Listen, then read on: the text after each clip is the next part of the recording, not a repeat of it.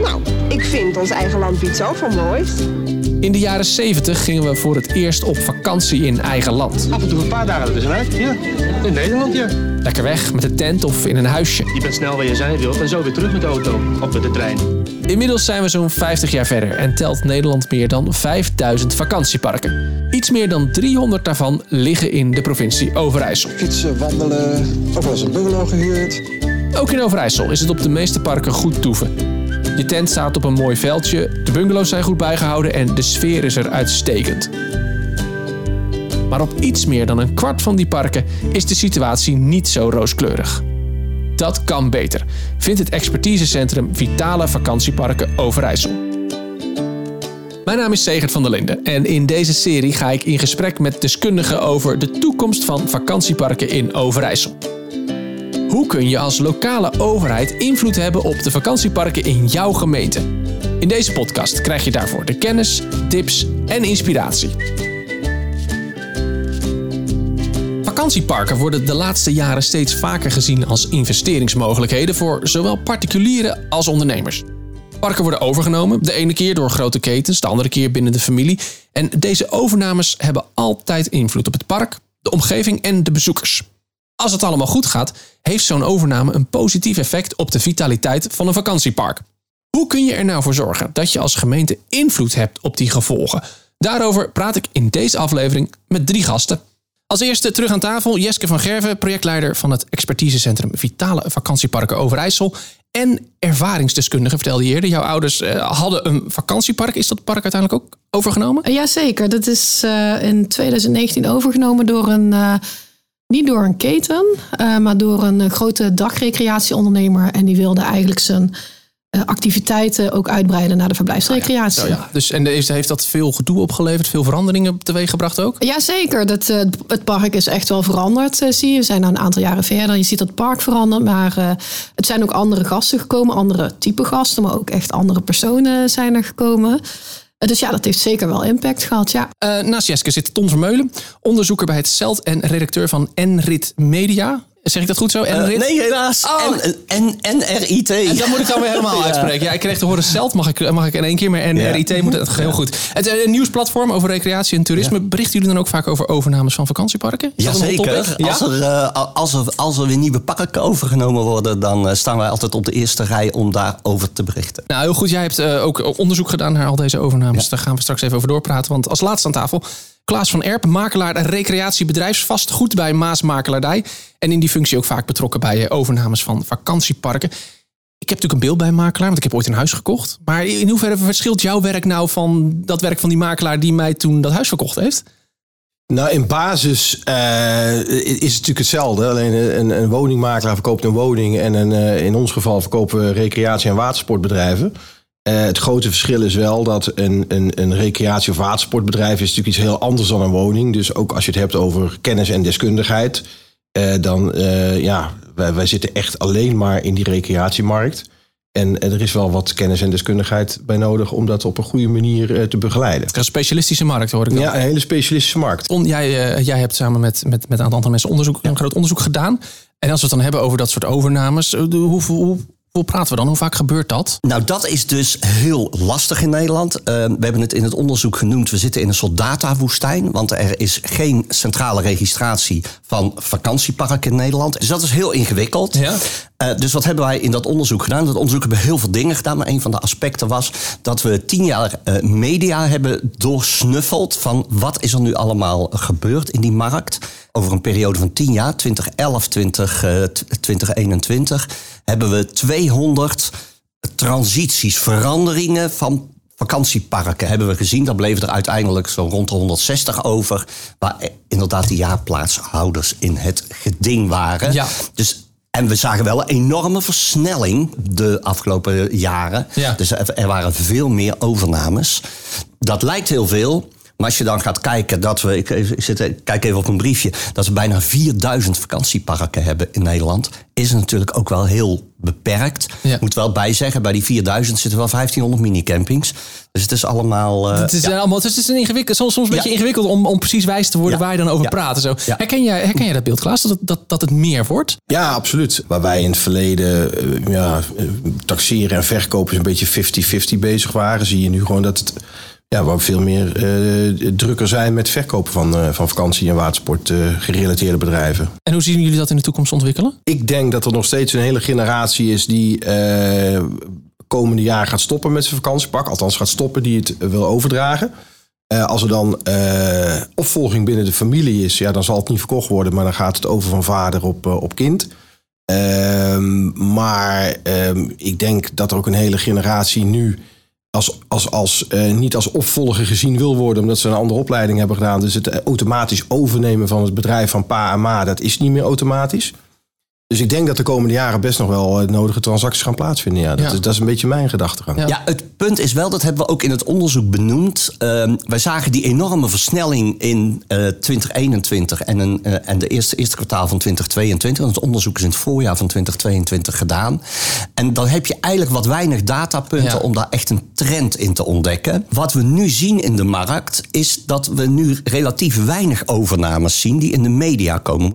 Kijk, vroeger als ze een, als ze een bedrijf overnamen, dan gingen ze persberichten uitsturen en de vlag uithangen. En eh, nou, het is allemaal geweldig, we hebben het park overgenomen, we gaan het beter maken.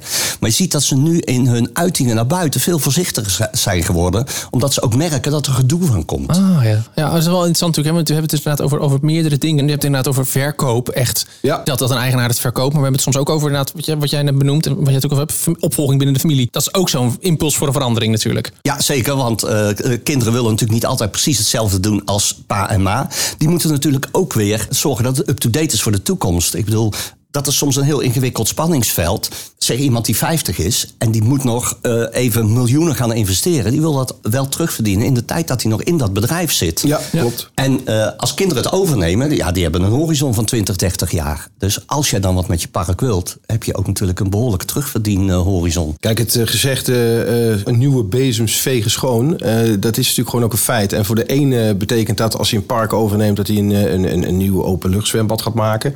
En voor een ander betekent dat dat hij alle jaarplaatsgasten eraf gaat sturen en een heel nieuw plan gaat ontwikkelen. Dus, dus er, zit een, ja, er zit een hele variatie van mogelijkheden in. Maar dat er bij, met een nieuwe eigenaar iets gaat veranderen, ja, dat is vaak wel. eh, altijd wel dat zo, is eigenlijk wel logisch. Alleen, Ja. Ja. Soms is dat marginaal en soms is het heel ingrijpend. Ehm, en, en wat we net even over hadden, over hè, verkopen worden niet meer bekendgemaakt, want het geeft onrust. Eh, deels waar. Wij adviseren heel vaak verkopers om hun eh, bedrijf wel gewoon met naam en toenaam te koop te zetten. Want het geeft uiteindelijk eh, snelheid aan het verkoopproces en ehm, ook vaak meer koperspotentieel, dus een betere prijs. Alleen er zijn gewoon bedrijven die zich daar niet voor lenen. En dan heb je het echt over hele grote bedrijven. Ja, die vind je niet terug op onze website. Dus dan krijg ik wel eens de vraag van, joh, eh, jullie hebben ook niet veel te koop. Ja, dat klopt. Op onze website staat relatief niet, eh, maar, maar we hebben nog een hele Klassieke verhaal van de makelaar bellen. Want die, die weet nog wat meer. Is het hier Ja. nog wat extra? eh, Stelt nog wat extra. Kijk, en bedrijven van, van, van 10 miljoen plus, ja, die kun je op je website gaan zetten. Het ziet er hartstikke gaaf uit. Maar ik, ik, ik heb niet de gedachte dat iemand eh, via de website een bedrijf van meer dan 10 miljoen euro gaat kopen. Nee. Dat, is, dat, dat is toch meer plaatsen in de markt, zeg maar. ja, ja, dat is een hele andere markt. Hele andere kopers zijn dat Ja, dat totaal. Ja, totaal. Waarom komen dit soort parken op de markt? Wat zijn de redenen waarom eigenaren hun park willen verkopen, willen overdragen? Ja, kijk, de basis is natuurlijk geen opvolging. Eh, want op het moment dat ze opvolging hebben, komt het niet te koop. Eh, maar dan is de volgende vraag is dan, oké, en wat brengt hun dan tot het punt dat ze willen, eh, willen verkopen? Ja, dat kan gezondheidsredenen zijn, dat kan leeftijd zijn. Over het algemeen wat ik zie is dat ondernemers op een gegeven moment gewoon er klaar mee zijn. Dan hebben ze 20, 30, 40 jaar zo'n bedrijf gehad. En dan vinden ze het mooi geweest. Dan hebben ze tropenjaren achter de rug. Eh, wet en regelgeving hoor ik ook heel vaak dat mensen ja, daar, daar wel een beetje moe van worden, zeg maar. Ja. En, en geen zin hebben om weer de volgende eh, eh, wet en regelgeving te moeten gaan toepassen, uit, uitvlooien. En, en dus, dus ja, eigenlijk is de basis is gewoon eh 20, 30, 40 jaar en men, heeft het, het, het, men is er klaar mee. Het bestand aan recreatieondernemers is ook wel wat aan het vergrijzen. Ik weet me te herinneren dat in mijn tijd dat ik eh, in het bestuur zat van eh, Jong Recron, de branchevereniging. Eh althans de junior afdeling van de branchevereniging. Toen hebben we een keer onderzoek gedaan naar eh, de leeftijd van recreatieondernemers. Dat is echt al een tijdje geleden.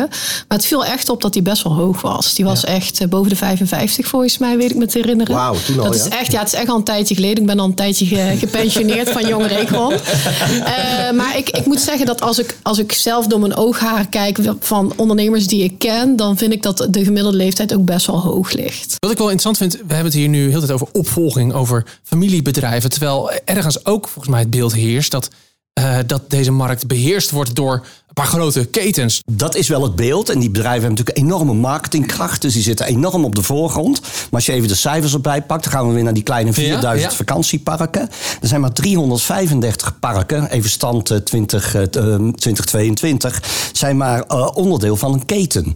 Dus moet je Ah, ja. even voorstellen, dat is, dat, dat is maar 9% Ja, ja. Maar als je het hebt over de capaciteit, want ketens hebben vaak wat grotere parken, dan hebben ze een derde van de capaciteit. Oh, dat is wel wel. Ja, ze zijn Maar wel een serieuze speler, maar ja, dan nog twee, twee derde, derde is nog steeds in handen van zeg maar onafhankelijke partijen, familiebedrijven. En dat zijn geen ketens. Jouw initiële vraag was net van, eh, goh, ik hoor heel veel ketens die momenteel aan het, eh, aan het eh Nou ja, dat, is, overnemen dat is zijn. het beeld volgens mij dat veel Ja, mensen hebben. beeld. En dat klopt ook wel, maar dat heeft meer te maken met het feit dat we dat eigenlijk nooit gewend zijn geweest. Dus tot voor kort, en dan heb ik het over een jaar drie, vier geleden, werden eh, recreatie- en watersportbedrijven vaak verkocht aan of een andere watersport- en recreatieondernemer die er een bedrijf bij wil hebben. Eh, of eh, ja, de- een, nieuwkomer op de markt. Ehm, en, en wat het allemaal meer zei. En ook wel ketens die toen ook al actief waren. Maar nu zie je in één keer in de afgelopen jaren dat er private equity eh, zijn weg gaat vinden in die recreatie. Eh, ja, en, en, en die zijn dus op overnamepad. En die nemen momenteel best wel wat bedrijven over. Dat is Ja. een juiste constatering. Maar ook zeker niet alles. Eh, maar doordat zij een grotere marketingslagkracht hebben.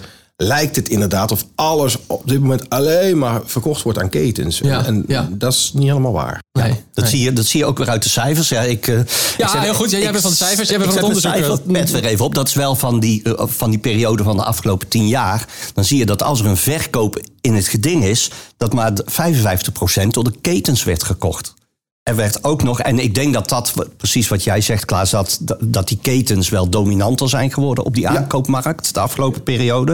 Maar als je over die langere periode kijkt... Ja, dan is nog steeds maar iets meer dan de helft is door ketens gekocht. Zijn er Ja. ook nog steeds eh, families die, die bedrijven kopen. En wat we niet moeten vergeten... zijn gewoon ook ontwikkelaars die eh, parken kopen... Ja. en het daarna weer eh, in de verhuur brengen bij grote ketens. Ja. Dus eh, weer ingewikkelder. Nog ingewikkelder. Heerlijk. Ja, en dan, Ja, en, dan, en dan ook die starters op de markt. Ik heb laatst nog een bedrijf verkocht en dat was aan een jonge echtpaar. En die, eh, die hadden eh, klaarblijkelijk goed geboerd of hadden hun bedrijf verkocht. En ja, die namen een camping over. En dat waren dus eigenlijk gewoon wel doorgewinterde ondernemers. Maar in de recreatie waren het eh, starters. Oh ja, ja. Dus, dus eh, die zijn er ook gewoon nog steeds. zeker. Ja. absoluut. Ik wil daar nog wel even een aanvulling op doen. eh, want we hebben het nu eigenlijk over bedrijven. Ook eh, denk ik omdat eh, dat we het hebben over overnames. Eh, maar we hebben natuurlijk ook heel veel vakantieparken in Nederland... die niet in handen zijn van een bedrijf... maar van een eigenaarsvereniging of van heel veel verschillende eigenaren. Die zitten natuurlijk ook in die vier, eh, 4000, dat getal wat jij noemt, eh, Ton. Eh, en die komen dus nooit op de markt. Hè? Want die zijn dus, eh, die komen misschien in Ja. kleine stukjes. Omdat jij eh, je vakantiehuis wil verkopen, verkoop jij het aan, aan iemand anders. En dan Ja. eh, heb je de woningmakelaar eh, Ja. eh, die daarbij komt Ja. kijken. Maar die zijn er natuurlijk ook heel veel en die komen niet op de markt. Dus Nee. die, die nuance wil ik nog Die wel even maken. goede, goede nuance inderdaad. Ja, ja, Nou, en ik moet ook wel zeggen, die 335 parken die. ehm, dan moet ik het eh, misschien heel precies gaan zeggen. Die onder een label van een keten op de markt gebracht worden. Daar kunnen ook wel heel veel parken bij zitten. Die allemaal in die categorie van Jetske weer vallen. Met al die kleine, al die, al die particuliere ja, ja, ja. eigenaren. En dat maakt het. Mensen denken altijd, ik kom een landbouwpark binnen en al die huizen, alles is van landbouw. Maar dat Ja. is helemaal niet zo. Daar kunnen eh, oneindig veel constructies achter zitten waar, wij helemaal geen weet, waar, waar de meeste mensen gewoon, gewoon helemaal geen weet van hebben.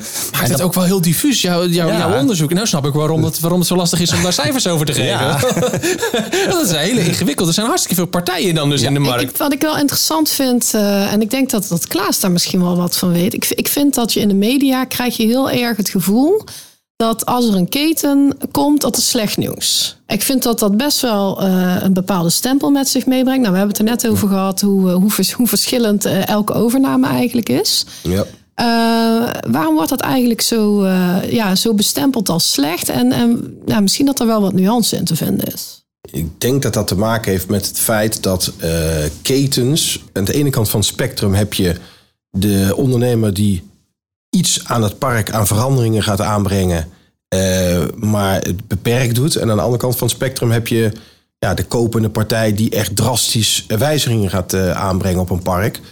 Eh, en de ketens, ja, die hebben gewoon niet altijd, maar op, op sommige, na sommige overnames best wel wat aanpassingen op een park gedaan. En dat komt dan in het nieuws. En, eh, en dan wordt die keten wordt, eh, eh, ja, synoniem voor als zij overnemen, dan gaan er heel veel veranderingen plaatsvinden waar mensen echt heel veel last van hebben. Terwijl dat niet per definitie zo hoeft te zijn. Ja. En eh, ik denk dat daar het hele, het hele eh, ja, geval met ketens, hè, als ketens overnemen, dan, ontstaan er problemen of dan gaan er wijzigingen plaatsvinden die we niet willen. Ja, dat zal misschien best een keer zo zijn, maar dat is niet eh, standaard. Ja. Ja, maar ook is het de vraag als jij. Als je het hebt over een overname die een flinke investering met zich meebrengt, eh, ja, die, die, eh, daar zullen veranderingen plaatsvinden. Dus ik wil eigenlijk ook wel even de stelling hier neerleggen van, nou, misschien is dat eigenlijk helemaal niet zo erg als er een keer een flinke verandering plaatsvindt. Eh, wat ik wel, wat, wat ik in ieder geval zal zien gebeuren, is dat je ketens hebt die echt overgaan tot nou, een hele, een, echt een exploitatiemodel, dus een verhuurmodel. Dus die het park gaan optimaliseren voor de verhuur. Eh, en je hebt ketens die zeggen van nou, wij gaan vooral uitponden. Eh, en ik denk dat daar ook wel mogelijk eh, wat, wat anders naar gekeken wordt. En we maken deze podcast natuurlijk ook, ook echt voor, voor gemeenten.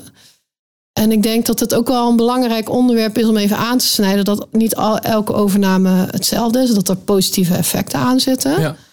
Ehm, maar dat je dan misschien ook gewoon goed moet kijken naar hoe, op welke manier wordt een park overgenomen. Wat is het toekomstplan van zo'n park? Ja, In ja. plaats van alles maar over één kam te scheren. Het is wordt overgenomen, dus het is eng. Nou, nee, ik, ik denk dat dat heel goed is. Ik denk ook dat we daar zo even op terug moeten komen. Ik wil voordat we gaan hebben over die, die gevolgen die zo'n overname kan hebben. Want dat, die zijn ook weer nou ja, net zo divers als het aantal soorten parken en aantal eigenaren dat we hier, eh, dat we hier besproken hebben. Wil ik heel even, Jeske, bij jou, eh, nou, nog even bij jou blijven. Even, even eh, specifiek naar Overijssel kijken. Ehm, want eh, daar gebeurt natuurlijk ook van alles. Eh, we zitten hier natuurlijk inderdaad namens Expertisecentrum Vitale Vakantieparken Overijssel. Hoe, hoe is de situatie daar? Wordt daar ook zoveel verkocht, overgenomen? Eh, net als eh, wat Ton al schetst. Ik denk niet dat, dat we een volledig overzicht hebben. Maar er is in 2019 is een vitaliteitsonderzoek eh, uitgevoerd. En daar is een, daarin is ook uitgevraagd van bent u van plan om uw bedrijf eh, tussen de vijf en de tien jaar binnen nu en vijf en, eh, en tien jaar over te dragen binnen de familie of erbuiten. En daarvan gaf ongeveer de helft van de parkeigenaren, dus dat zijn echte ondernemers, er zitten nooit niet eh, de, de eigenaarsverenigingen in. Ongeveer de helft daarvan die gaf aan dat zij graag wilden verkopen binnen de familie of daarbuiten. En ongeveer daar weer de helft van die zegt van ik wil het aan een derde verkopen. En de andere helft zegt een opvolging binnen de familie. Dus dat zijn best wel veel, eh, best wel veel transacties. Ja, Ja, Dat, is, dat is he- best wel veel. Als ik dan even de bescheiden cijfers hoor die Tom net noemt, dan, dan denk ik, joh, hoe hoe komt het dat het dan in Overijssel specifiek misschien zo hoog ligt, dat aantal? Kun je daar iets over zeggen? Eh, ja, ik wil ten eerste dat aantal wel even wat, eh, wat nuanceren. Het is in een onderzoek gebeurd, eh, uitgevraagd, waarin heel veel dingen uitgevraagd werden. En, en het, werd, het was gewoon één van de vragen. Ja, waar Niet die natuurlijk dat, het deze ook echt 50% gaat van gebeuren. deze ook echt op de markt Precies, komt. dus Ja. ik denk dat er ook best wel misschien wat ondernemers bij hebben gezeten die, die op dat moment dachten, nou laat, ja, ik, ik heb er geen zin meer in, maar laten toch weer energie hebben gevonden. Eh, of op een andere manier zich bedacht hebben. En eh, wat ik ook denk, maar dat heb ik echt niet onderzocht, maar ik heb het vermoeden dat eh, in Overijssel het, is het, het, toerisme wat, wat, wat later op gang gekomen dan bijvoorbeeld in de kust of op de Veluwe. Dus ik denk dat je dan met bepaalde gebieden in Nederland, waar het wat later op gang is gekomen, dat je ook net een wat andere cyclus zit Ja, dan de ja. rest van Nederland. Ja. Ehm, ik denk dat bijvoorbeeld Limburg en Overijssel best wel gelijk oplopen in bepaalde, eh, in bepaalde zaken. Ik denk die vergrijzing waar we het eerder over hebben gehad, dat die best wel een behoorlijke rol gaat spelen. In ons onderzoek zei een van de respondenten: er komt nog een hoos aan overnames. Eh, schiet mij ineens te binnen. Ja. Dus eh, wat dat dan gaat. eh, Zij zei, ja, dat Ja. klinkt wel, als ik zo je Ja. cijfers uit Overijssel hoor, denk ik, ja, daar komt Ja. nog wel het een en ander aan. eh. ja. Ja, ik Nou. vind het ook nog wel eventjes interessant om nog even te duiden van eh, hoe dat dan zit met de overnames van ketens. We zien in eh, Overijssel eh, dat eh, slechts 20 eh, van de pakken bij 350 vakantieparken tot een keten behoren.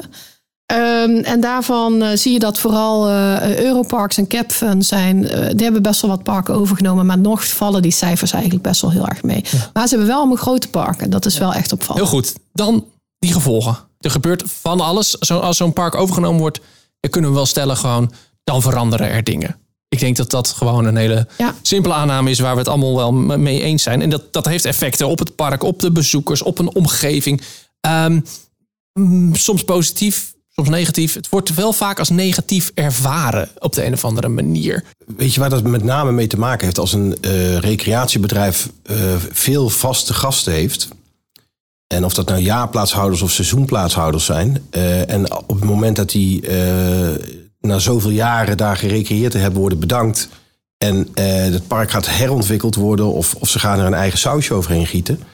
Ja, dan gaan er in één keer, hè, stel dat er 200 jaarplaatshouders op zo'n park zitten, dan gaan er in één keer 200 eh, jaarplaatshouders gaan, op de barricade. Ja.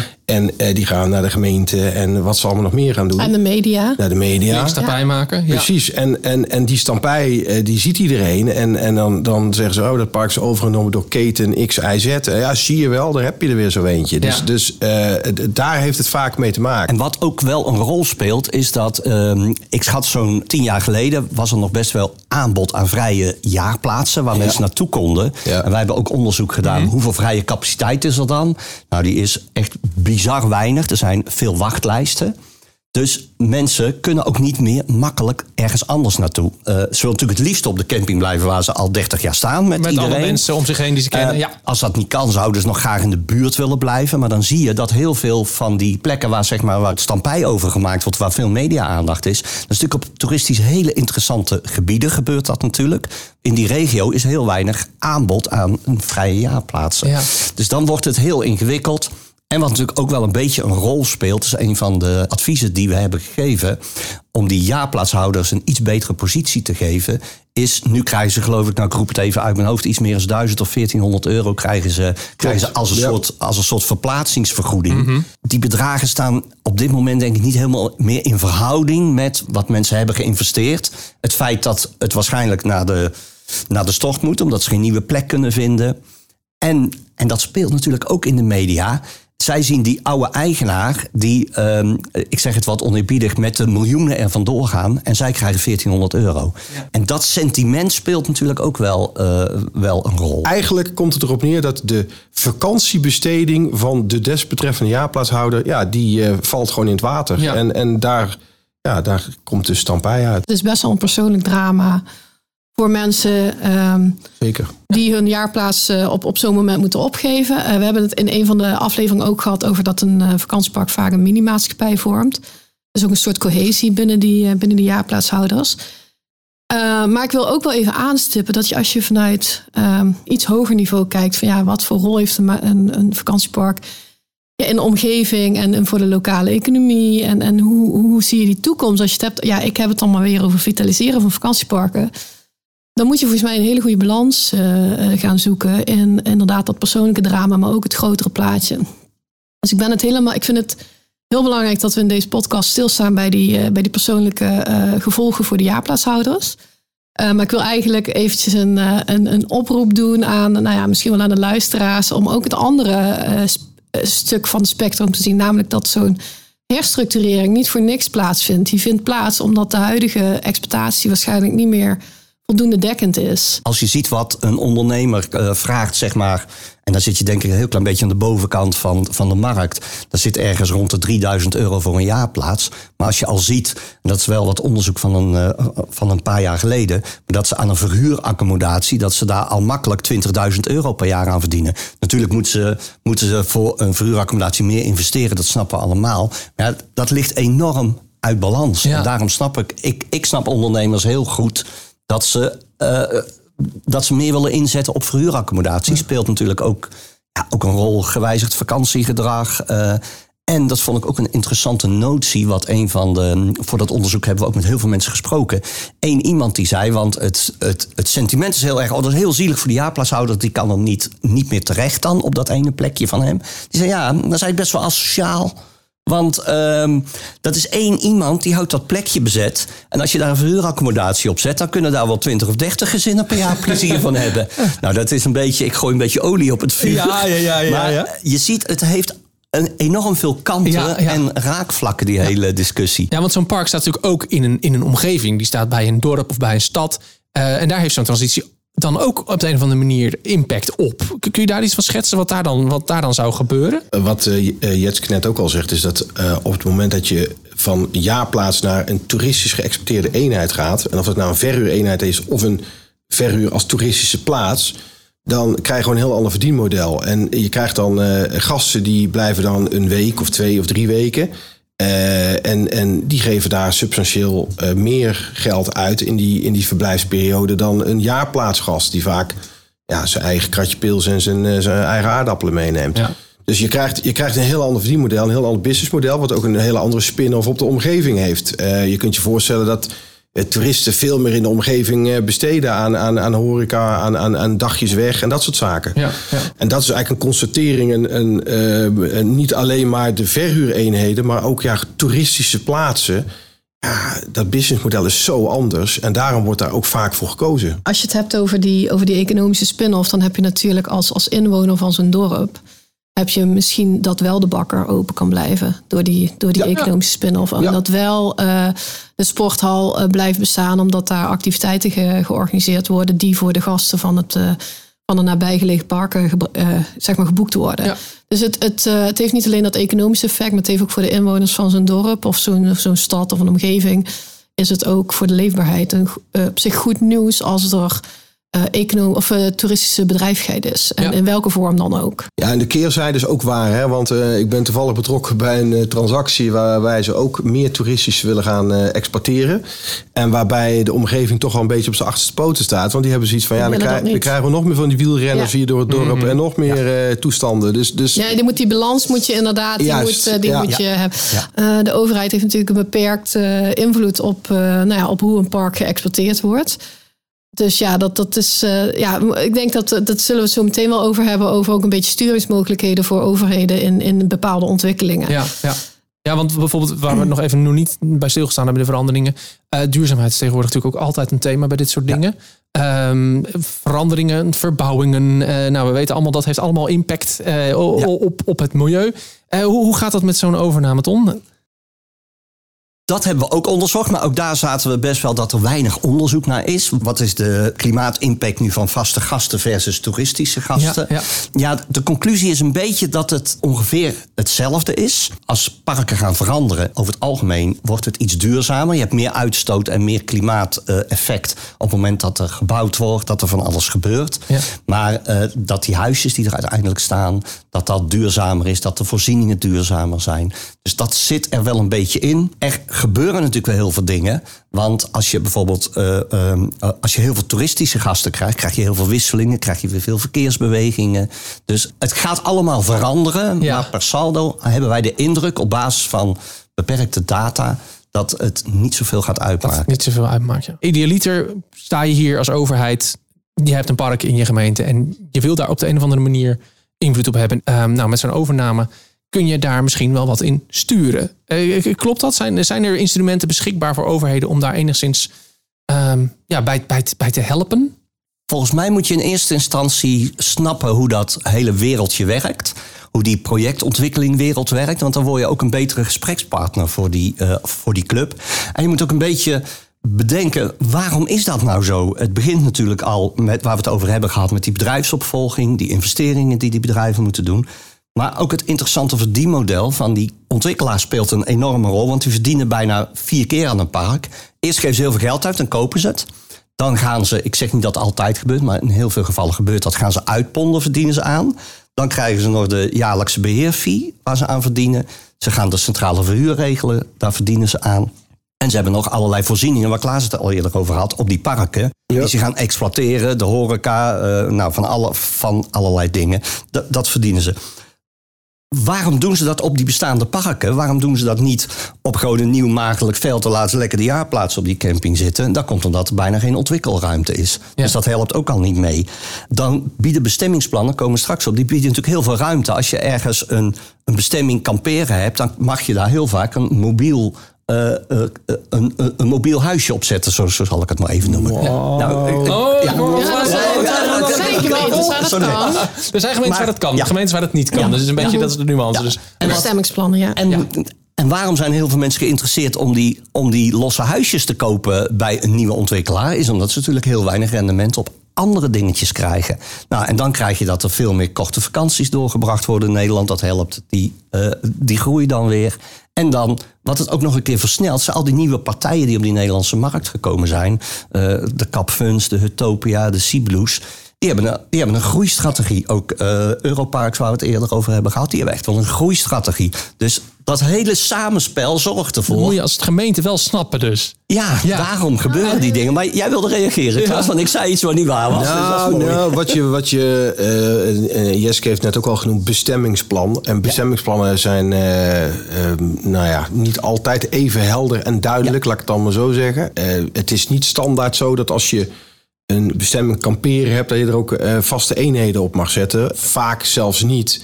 Dus dan kom je een beetje op het hellend vlak dat er een bestemmingsplanwijziging moet plaatsvinden. Dat heeft ook allemaal perikelen uh, op dit moment met stikstof en weet ik veel, alle, alle regelgeving.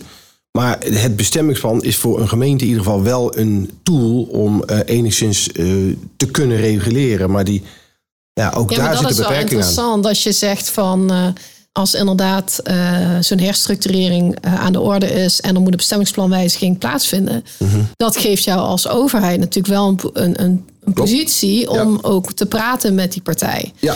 En dat is volgens mij uh, waar je in moet komen zitten. Want, want terecht wat jij aan, aan punten aangeeft, Ton. Je moet inderdaad weten met welke markt je in zit als, als overheid, waar je, wat er op je afkomt. Maar wat ik ook wel zie gebeuren, is dat gemeenten vaak helemaal geen weten hebben van wat ja. er gebeurt in, in dat spel van die overnames. En uh, daarmee geconfronteerd wordt als bij de notaris de handtekening gezet wordt ja. van de een naar de andere partij. Dus uh, nou ja, ik zou in ieder geval zeggen van uh, een, een eerste hele belangrijk is, is zorg dat je als gemeente ook een beetje kennis hebt van wat er in jouw gemeente aan partijen actief zijn en wat hun plannen voor de toekomst zijn. Ja, en zorg als gemeente ook dat je zelf een plan hebt. Want dat geeft weer basis aan je bestemmingsplan. Wat voor gemeente wil je zijn? Wat voor vakantieparken wil je hebben? Hoe wil je die mix in elkaar hebben zitten? Wat voor toeristen wil je hebben? Want dat geeft een hele belangrijke input. En ja dan doe je ook aan goed verwachtingsmanagement. Als een nieuwe investeerder, een nieuwe eigenaar iets wil in dat gebied en je hebt een duidelijke visie liggen en die eigenaar die wil linksaf en die visie staat rechtsaf, dan weet je als, uh, als potentiële eigenaar, hmm, misschien moet ik dit niet doen. En dan neem ik aan, Jeske, dat het expertisecentrum de gemeente daarbij kan helpen. Ja, zeker. Helaas komen wij vaak pas uh, aan tafel. Als het al te laat is. Ja, we hebben nu, nu bijvoorbeeld in een Overijsselse gemeente het verhaal dat er een, uh, nou, gelukkig mag ik wel zeggen, een relatief klein vakantiepark is overgenomen door een partij die eigenlijk projectontwikkelaar voor woningen is. En nou, die had daar eigenlijk bedacht van ik ga daar woningen ontwikkelen. De gemeente heeft best wel een beetje pech met bestemmingsplan om het zo maar te noemen. Het is een heel ruim bestemmingsplan. Dus we zijn nu eigenlijk heel, heel hard aan het zoeken naar mogelijkheden om ervoor te zorgen dat het, datgene wat er ontwikkeld wordt, dat dat niet dermate aantrekkelijk wordt voor wonen. Dat, als, dat je als gemeente over twintig jaar niet ja, daar een aanvraag krijgt voor een woonbestemming te realiseren, dat je eigenlijk geen nee meer kunt zeggen. Ja, ja. Omdat het al op een bepaalde manier ontwikkeld en gebruikt wordt. Dus dat dat zeker. Uh, wat, ik ook, uh, wat, wat ook wel speelt in Overijssel, en daar zijn we als expertisecentrum Vitale Vakantiepark Overijssel niet zo heel erg bij betrokken. Maar in Overijssel zijn dus nog heel veel uh, familiebedrijven. En er is ook een, een blijkbaar een provincie waar dat, eh, waar dat van oudsher heel erg speelde, wat dus nog steeds bestaat. En daar is ook wel heel veel energie eh, vanuit de overheden bij om, eh, om die familiebedrijven ook te blijven ondersteunen. ook, ook binnen overnames. Ja, ja. Dus, Ja, en jullie zijn ook aan het werken aan een soort handreiking voor gemeentes om hen hierbij te ondersteunen. Hè? Ja, wat ik eigenlijk, wa- wat ik me eigenlijk realiseer door het, door het schetsen van het, van het voorbeeld van, van, die, van het ene vakantiepark, is dat ik het in het negatieve trek, een overname. Eh, en dat wil ik eigenlijk absoluut niet doen. Want Nee. ik denk dat een overname echt een hele belangrijke kans is voor een vakantiepark. En ook voor die hele omgeving waar we het net over hadden. Om juist weer een hele goede push naar boven te krijgen. En we zijn inderdaad nu een handreiking aan het ontwikkelen. Waarbij we zowel de kansen voor eh, vakantieparken op het vlak van vitale vakantieparken willen optimaliseren. Als ook risico's eh, inperken. We zijn een scan aan het, aan het ontwikkelen voor gemeentes. Om het bestemmingsplan naast, naast die kansen en die eh, bedreigingen te leggen. Om op die manier een advies te kunnen geven hoe dat eigenlijk de komende tijd. eh, ja, ook met het, de omgevingsplannen die eraan gaan komen. Om ook op een goede manier in te richten. Zodat ja, eigenlijk vakantieparken de ideale basis geboden krijgen om ook zich op een goede manier ja, te ontwikkelen. Ja. Zodat het een goede positief effect heeft op de omgeving. Ja. Ik denk dat het, dat het belangrijk is eh, ja, om niet te vervallen in angst voor een Ja. overname, maar ook echt daar de kansen van te blijven zien. En die angsten zijn soms ook wel terecht. Hè? Want eh, het, het- dat geval waar ik het net over heb, waar ik bij betrokken ben, wat weer Stampij is. eh, daar zijn ook een aantal parken worden geëxporteerd door een paar bekende ketens. Die maken daar een zootje van. En, en, en, en de regio die is daarvan eh, mee bekend. En die hebben zoiets van: hé, hey, dat gaat toch niet weer gebeuren hier. Dus, dus ik, ik snap ook wel waar het vandaan komt. Eh, maar nogmaals, ja, dan moet je toch als overheid, als regio, moet je daar gewoon ja, beleidslijnen voor maken. Die je dan vervolgens ook gewoon kunt, kunt, eh, kunt afdwingen. Daar begint het dan mee. Ja. Van wat wil ik Ja, eh, voor de toekomst? Ja. Ja, Proactief, proactief. weet waar je het over hebt. Ja, ja, uit ons onderzoek bleek, we hebben ook veel met gemeenteambtenaren gesproken. En die zeiden zelf dat ze eigenlijk onvoldoende kennis hebben van deze markt en van die processen en wat ze allemaal wel en ja. niet kunnen doen. Dus ik denk dat daar eh, voor jullie expertisecentrum, Jetske, een hele mooie taak ligt om dat, om dat kennisniveau gewoon eh, Ja. omhoog te Ik brengen. denk als je landelijk kijkt wat er aan, aan, aan omzetten omgaat, eh, hoe groot de recreatie-industrie in Nederland is. Ja, ik heb al Ja. vaker gehoord, een minister Ja. van Recreatie werd wel eens gekscherend door wat mensen geroepen. Ja. Ik, ik zeg niet dat dat het moet zijn, maar eh daar kan toch wel iets meer aandacht en tijd aan besteed worden. Los al van het feit dat de regio's behoorlijke inkomstenbronnen hebben uit de vorm van toeristenbelasting. Ja, be- benut die dan ook op een goede manier. Ja. En de ruimtelijke impact natuurlijk van die, eh, van die vakantieparken. Ja. In Overijssel hebben we een inventarisatie gemaakt hoeveel hectare vakantieparken beslaan. Oké, Het gaat over volgens mij de 2400 hectare in totaal. Wat Kijk. aan, eh, in ieder geval aan vakantieparken. Er zitten dan dus niet alle, nou ik zeg maar wat, eh recreatie, meren en dergelijke. En jachthavens zitten daar nog niet eens bij. Dus dit Ja. heeft ook, een, ook vanuit ruimtelijk eh, impact eh, zou vakantieparken best wel wat meer prioriteit mogen krijgen. Ja. Werk Ja. aan de winkel, Jeske.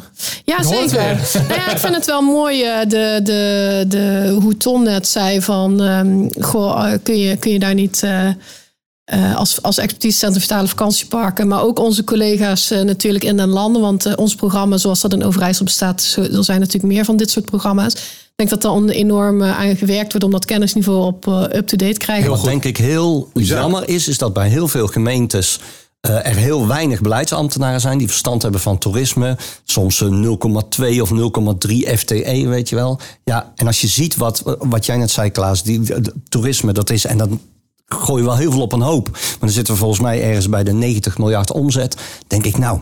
eh, en je hebt al die, al die uitdagingen, die problemen rond vakantieparken, zou ik zeggen, als gemeente. Investeer een heel klein beetje meer in je ambtenaren en in, eh, en in kennis van je ambtenaren.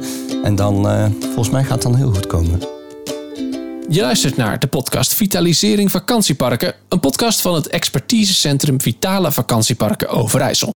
Mijn naam is Zegert van der Linden. Wil je meer weten over de onderwerpen uit deze aflevering? Kijk dan in de show notes of op expertisecentrumoverijssel.nl. Over twee weken staat er een nieuwe aflevering voor je klaar. Bedankt voor het luisteren en graag tot de volgende aflevering.